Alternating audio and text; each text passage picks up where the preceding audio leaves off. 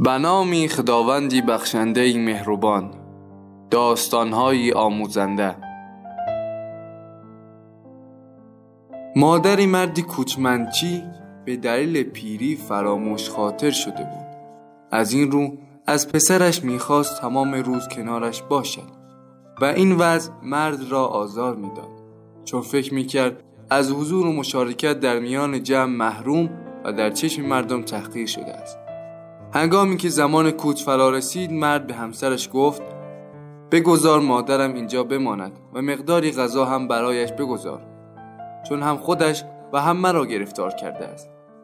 همسرش گفت چشم به گفته تو عمل می‌کنم همه آماده کوچ شدند و آن زن بچه خودش را با مقداری آب و غذا کنار مادر شوهرش گذاشت و همراه دیگران کوچ کرد. آنها فقط یک پسر داشتند و مرد به پسرش علاقه فراوانی داشت و در زمان فراغت با او بازی می‌کرد و از دیدنش شاد می‌شد. وقتی مسافتی را طی کردند برای استراحت و غذاخوری ایستادند. بعد از جابجا شدن مرد به زنش گفت پسرم را بیاور تا با او بازی کنم.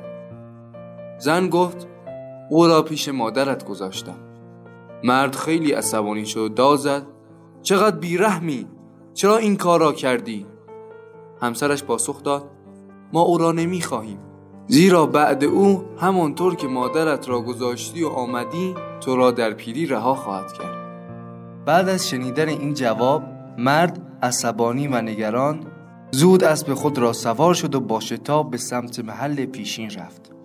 وقتی به محل رسید دید مادرش در میان گرگان است و فرزندش را بغل کرده است. گرگا بعد از کوچ به محل آمدند تا خوردنی پیدا کنند پیرزن به طرف گرگها سعی میانداخت و تلاش می‌کرد که کودک را از گرگها حفظ کند.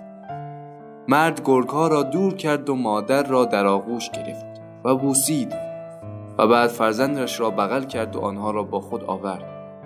پس از این حادثه هنگام کوچ اول مادرش را سوار بر شتر می‌کرد و خودش با اسب دنبال او می‌رفت و از مادرش مانند چشمش نگهداری می‌کرد. احترام و مقام زنش هم نزد او بیشتر شد. انسان وقتی به دنیا می آید بند نافش را می برند ولی جایش همیشه می ماند تا فراموش نکنند که برای تغذیه به یک زن بزرگ وصل بود. اگر مادرتان زنده است حداقل با او یک تماس با محبت بگیرید تا صدای کودکی را که سالها عاشقانه بزرگش کرده بشنود و از ته دل شاد شود.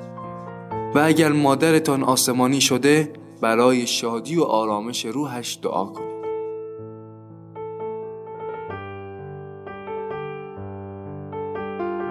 تا داستانی دیگر خدا نگهدار.